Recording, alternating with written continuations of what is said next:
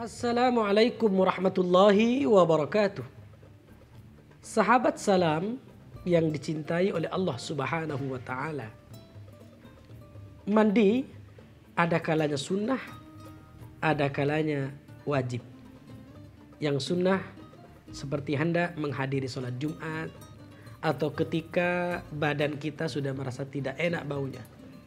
Yang wajib ada kalanya disebabkan habis berhubungan intim bersama istri kita atau sudah masa head dan nifasnya sudah selesai atau disebabkan mimpi basah.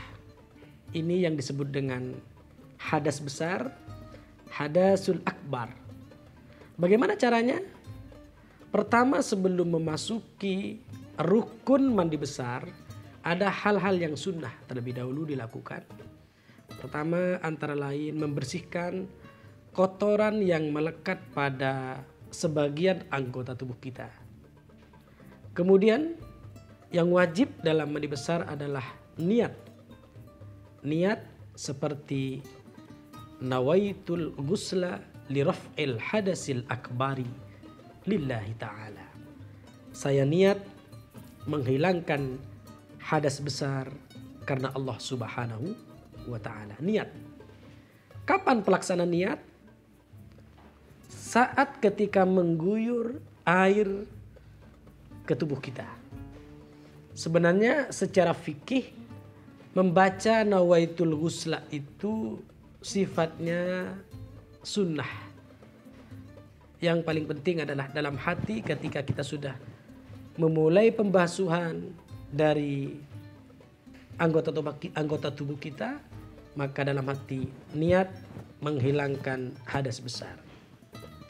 Yang kedua, rukun dari hadas besar atau mandi besar adalah ta'mimul ma'i alal badani.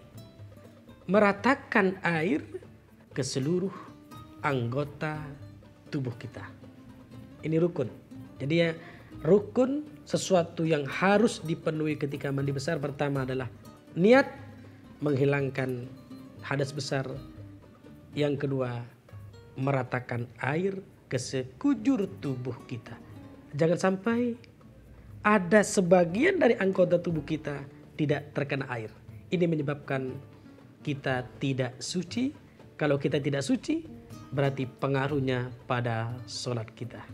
Sahabat salam rahimakumullah. Mari kita sucikan anggota tubuh kita baik dengan cara mandi sunnah atau mandi wajib. Wassalamualaikum warahmatullahi wabarakatuh.